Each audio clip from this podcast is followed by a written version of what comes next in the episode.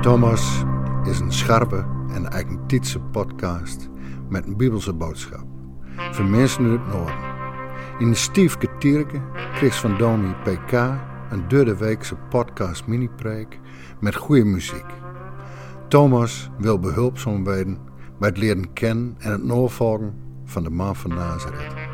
In een tijd dat door Horst moest.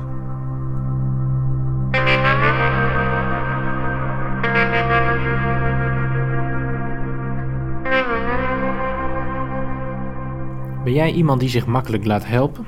Schakel jij makkelijk hulp in bij autopech, het in elkaar zetten van een kast? Of als je niet weet hoe een bepaald programma op je laptop werkt? Zelf ben ik iemand die zich niet graag of snel laat helpen. Ik regel mijn zaakjes liever zelf. En dat gaat zo ver dat ik zelfs vriendelijk aangeboden hulp afwijs, terwijl ik het eigenlijk goed kan gebruiken. Dan zeg ik zoiets als: uh, Nee, uh, bedankt voor het aanbod, maar ik red me wel. En vervolgens ben ik veel langer bezig en lukt het allemaal maar half.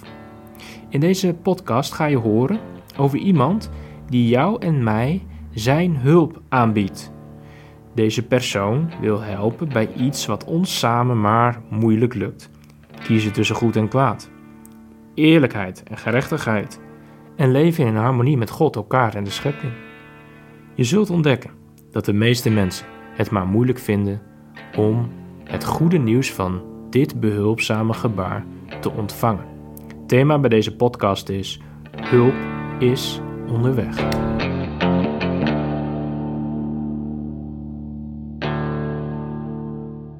Harkje naar mij, die me dit begin binnen op geruchtigheid en die te heren ziekje.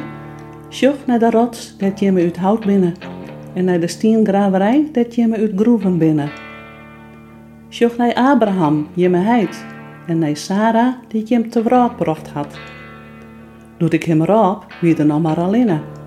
Maar ik ga hem zegenen en in tal aanwinnen litten. Ja, de Heere wil zien om treeste, treest Jaan, nooit alles in puin leidt. Haar oerkomen stee maakt er een eden van. Haar onlaan taan hof van de Heere. De zilver vreugde en blijdschap te vinden wezen en met zang en klang lofbracht worden. Harkje naar mij, mijn volk, Jer goed naar mij, volk van Milaan, want voor mij gaat de wet uit. En mijn jocht blinkt als een jocht oer de volken. Mijn gerjochtigheid is nij aan, mijn heil op kommende wij. Mijn jerm zal de volken sturen. De landen aan de zeekant sjoggen naar mij uit. Ze wachten op mijn bescherming. Slag de egen naar de hemel op, sjog naar de ierde daaronder. Want de hemel zal wij worden als reek, de eerde als een stuk kleen verslieten, en die erop wijnen zullen sterren als langpoorten.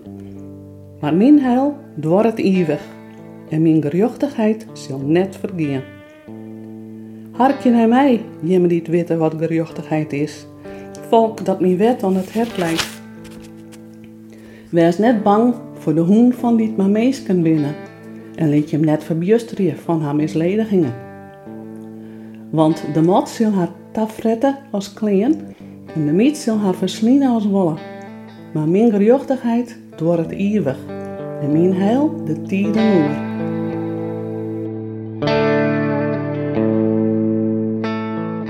Ik las ergens dat Advent geen tijd is voor mietjes.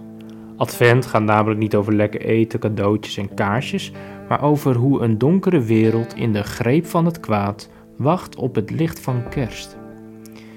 In de afgelopen jaren heb ik door de verschillende adventsprojecten in de gemeente waar ik werk geleerd dat advent inderdaad niet voor mietjes is. Meestal leven wij aan de hand van een profeet uit het Oude Testament toe naar de geboorte van Jezus. Vorig jaar was dat Micha en dit jaar is dat Jezaja.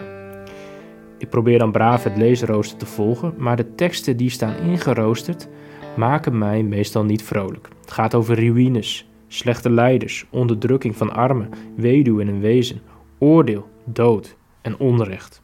Inderdaad, Advent is niet voor mietjes. Maar wat moet je met al die eeuwenoude profetieën over volken, oordelen en gebeurtenissen? Toch geloof ik dat dat geploeter in die oude teksten iets moois op kan leveren.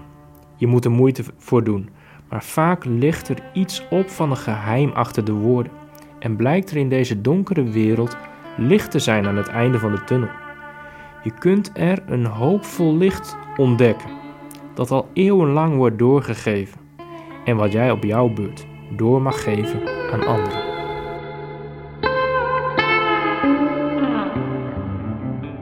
Dat zie je ook bij de schriftlezing van vandaag.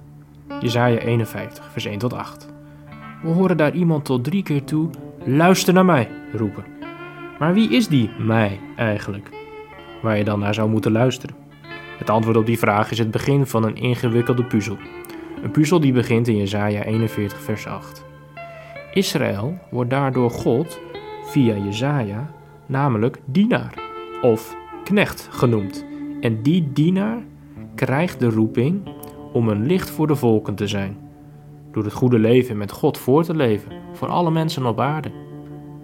Maar om een lang verhaal kort te maken, de dienaar, Israël, faalt voor die roeping. Maar God laat het er ondanks zijn grote teleurstelling niet bij zitten. Hij roept een nieuwe dienaar, die namens het volk die roeping op zich neemt en wel tot een goed einde brengt. Het is een profetische dienaar die de verloren stammen van Israël op moet richten en die door God zelf tot een licht voor de volken wordt gemaakt. En het is die dienaar die hier in Jesaja 41 roept om toch echt naar hem te luisteren. Luister naar mij. Iedereen die nog naar God zoekt en zijn rechten respecteert. Als je naar mijn onderwijs luistert, zal het goede leven in vrede met God, je naaste en de schepping geen geheim voor je blijven. De weinige mensen die nog naar hem willen luisteren, worden later in Jezaja daarom ook dienaren, knechten genoemd. Zij vormen samen met hem het nieuwe volk waar God naar op zoek is. En zo vraagt God niet alleen geloof, hoop en liefde, maar wil hij het door zijn dienaar zelf ook geven. Zijn hulp is onderweg.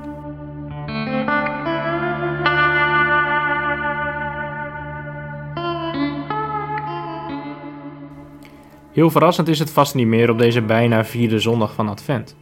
Maar de vier evangelisten in het Nieuwe Testament zien in de geliefde dienaar en zoon van God de vervulling van het verhaal van die knecht, dienaar uit Jezaja.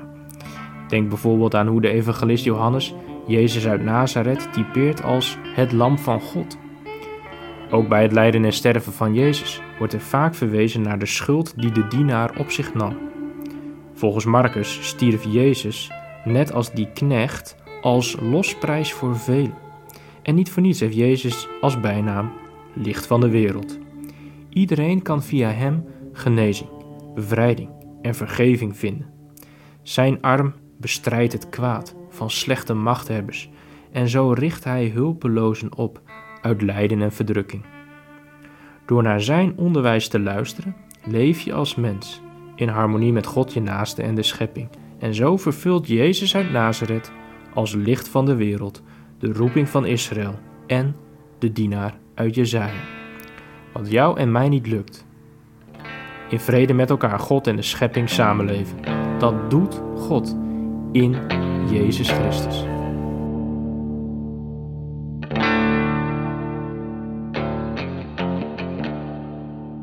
Dat die dienaar voor iedereen een licht wil zijn, klinkt natuurlijk veelbelovend. Maar hoe werkt dat zo dat je er in deze donkere wereld ook iets van merkt en er iets aan hebt? In Jesaja 51 vers 1 tot 8 krijg je het antwoord in de vorm van een refrein. Allereerst dat drievoudige luister naar mij. Het komt erop neer dat je vertrouwt dat de dienaar weet wat goed, eerlijk en recht is. Ergens anders in Jesaja verzucht God dat als Israël naar hem had geluisterd, ze nog steeds in vrede en geluk zouden leven. Maar omdat ze niet op zijn levenswijsheid en regels vertrouwden, liep het uiteindelijk mis. Door vandaag te luisteren naar de stem van de dienaar, zul je vroeg of laat ontdekken wat het goede leven is. In deze donkere wereld van Advent breekt het licht voorzichtig door wanneer je leeft in zijn voetspoor. Daarnaast roept Jezaja hier ook op om niet alleen naar die stem te luisteren, maar ook goed naar het verleden te kijken. Kijk naar de rots waaruit je gehouden bent en de groeven waaruit je gedolven bent. Daarmee zijn Abraham en Sarah bedoeld. De stem roept je op om net zo gefocust naar hen te kijken als Abraham dat deed toen hij omhoog keek naar de sterren. En daarmee lijkt God te willen zeggen: Heb ik in zijn leven niet laten zien dat ik trouw ben aan mijn beloftes? Ook als je daar soms heel weinig van kunt merken. En dat geldt op een andere manier vandaag ook. Als je door het kwaad in de wereld twijfelt aan Gods plan, kijk dan steeds weer terug naar wat God door zijn Zoon Jezus Christus voor jou en mij deed. Als je die rode lijn van Abraham naar de knecht en van de knecht naar Jezus Christus gaat zien, ontdek je ook je eigen rol in het geheel en in het vervolg. Jij mag door te luisteren en te kijken naar Jezus Christus zelf ook zijn licht verspreiden. Zo word je een klein, maar wel een betekenisvol onderdeel van een eeuwenoud verhaal van hoop en licht. Een verhaal van hoop en licht uit een ver verleden, maar ook in de richting van de toekomst.